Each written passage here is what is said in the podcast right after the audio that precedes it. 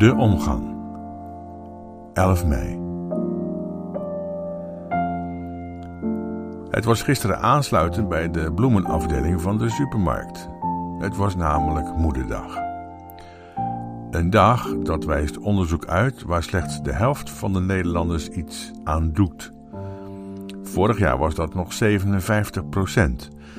Ik zou zeggen, dan Vaderdag ook maar afschaffen, want Vaderdag kent geen historisch belang anders dan de commerciële, lijkt me. Moederdag wel.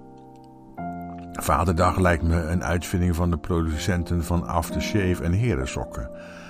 Als ik aan mijn moeder vroeg wat papa graag wilde, dan zei ze: Doe maar aftershave, jongen, daar is hij altijd blij mee. Fresh Up van Valdelie, met een depper.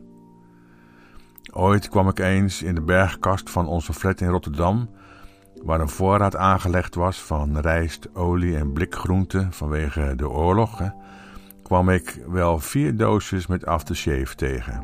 Fresh Up van Valdelie. Ja, eigenlijk van mijn zakgeld. Met depper. Maar de geschiedenis van Moederdag is heel wat anders. Die reikt terug tot in het oude Griekenland. Daar werd echter geen bloemetje voor moeder de vrouw gekocht op de tweede zondag in mei.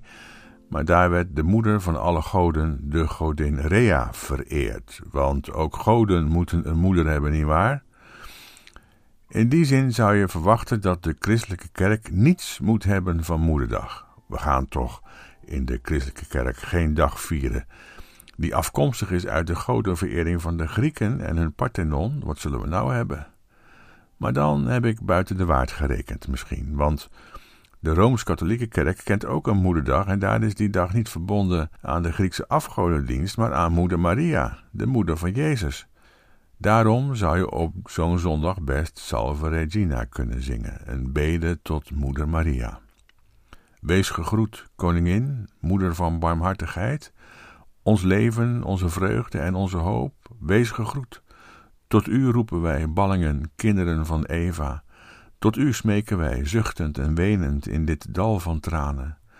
Daarom dan, onze voorspreekster, sla op ons uw barmhartige ogen en toon ons na deze ballingschap, Jezus, de gezegende vrucht van uw schoot. O goedertieren, o liefdevolle, o zoete maagd Maria.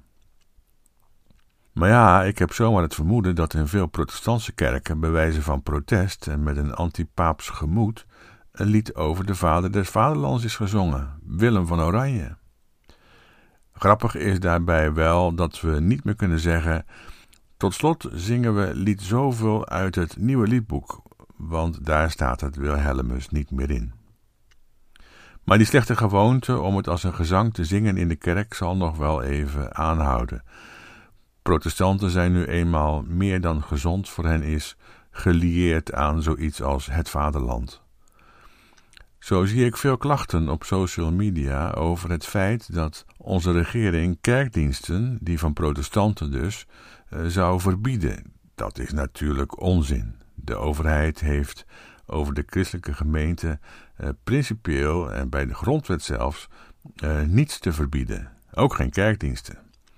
Dat er geen kerkdiensten zijn, komt dus niet door een verbod van de overheid, want dat bestaat helemaal niet, zo'n verbod, maar omdat de kerken zich wilden aanpassen aan de samenleving die Nederland heet. Er is nog een moeder voor de christelijke kerk en die wordt mij te veel verzwegen. En daar word ik wel een beetje ibelig van. En dat is de synagoge. De synagoge is voor een christelijke kerk de werkelijke moeder. Zonder de synagoge zou er geen kerk zijn. En de kerk die er is en die er wil zijn zonder de synagoge is nauwelijks een kerk van Christus te noemen. Een kerk van het christendom. Dat dan weer wel.